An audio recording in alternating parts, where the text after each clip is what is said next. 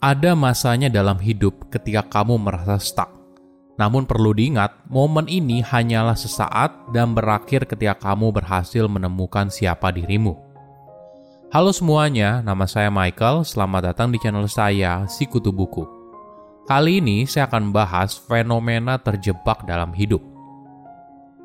Apakah kamu pernah merasa pada situasi di mana kamu menjalani rutinitas yang sama terus-menerus dalam waktu yang lama?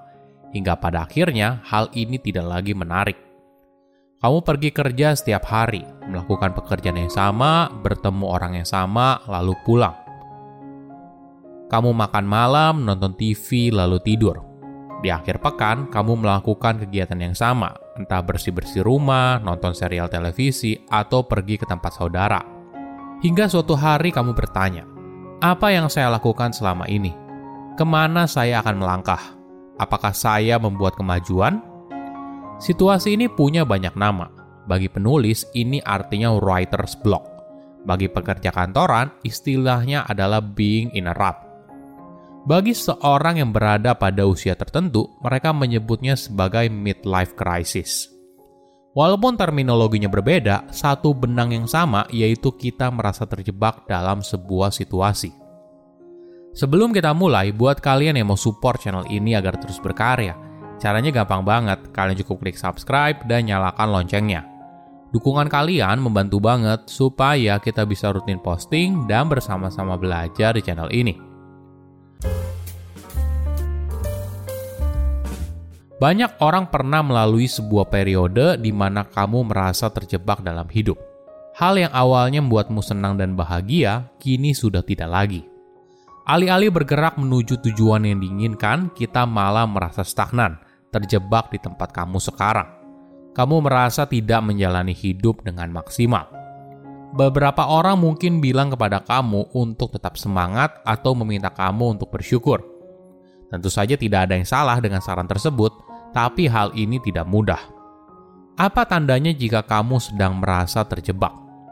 Pertama, setiap hari terasa sama Bahkan kamu mungkin kesulitan untuk mengingat hari apa sekarang, entah hari Selasa, Kamis, dan sebagainya. Kedua, kamu hanya menjalani hari demi hari.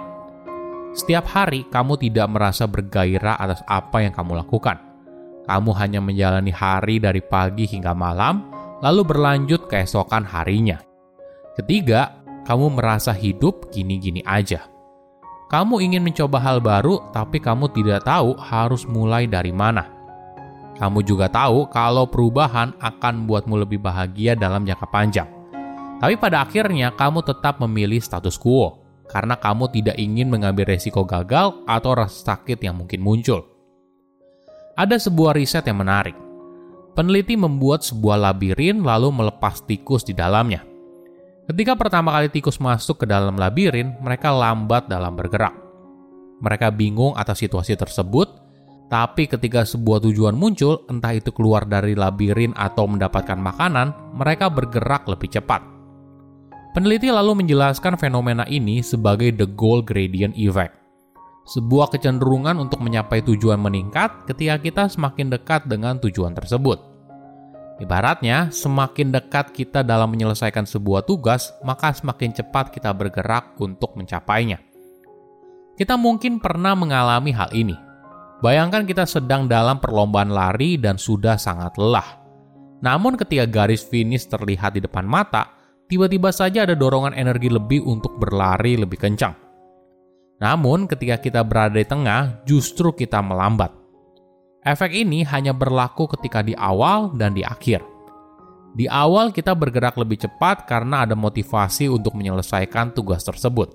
Kita merasa segar, siap untuk bergerak, lalu melambat ketika berada di tengah dan kembali bergerak lebih cepat ketika sebuah tujuan berada di depan mata. Efek ini tidak cuma terasa pada aktivitas fisik, tapi pada banyak aspek dalam hidup. Coba bayangkan kamu memiliki hutang kartu kredit di awal, kamu mungkin semangat untuk membayar karena kamu ingin keluar dari lilitan hutang. Sama halnya ketika hutang tersebut sudah mau lunas, kamu berusaha secepat mungkin untuk membayarnya. Namun yang paling sulit adalah di tengah. Ini yang membuat seseorang sering kali merasa terjebak. Kenapa? Mungkin alasannya ketika kita berada di tengah, tidak ada titik penanda di sepanjang perjalanan.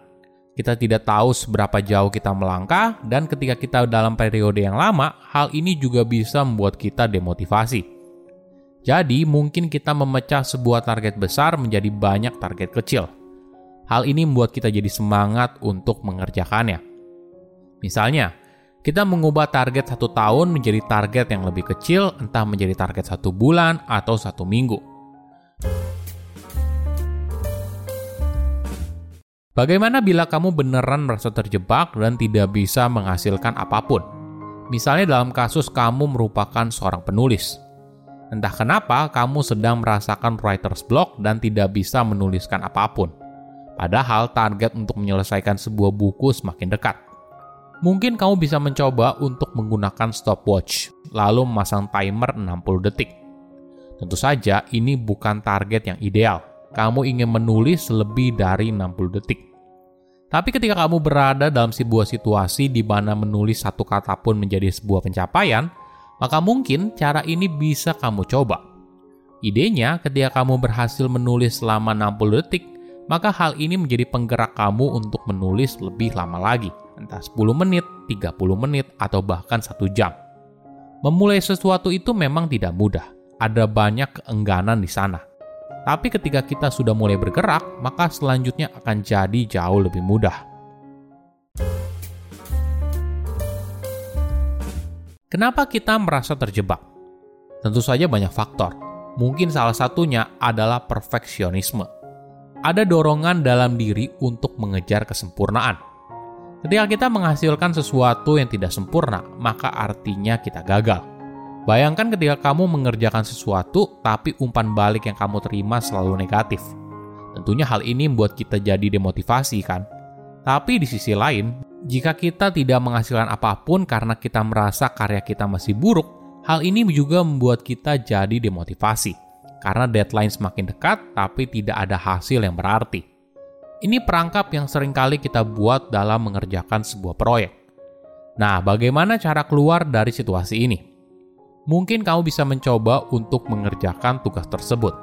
Tidak peduli apakah bagus atau tidak.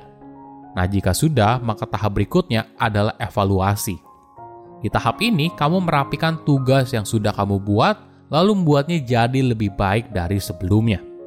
Intinya, kita baru bisa menghasilkan sesuatu yang baik ketika kita sudah mengeluarkan semua yang buruk. Silahkan komen di kolom komentar pelajaran apa yang kalian dapat ketika tahu informasi ini. Selain itu, komen juga mau tahu informasi apa lagi yang saya review di video berikutnya. Saya undur diri, jangan lupa subscribe channel YouTube Sikutu Buku. Bye-bye.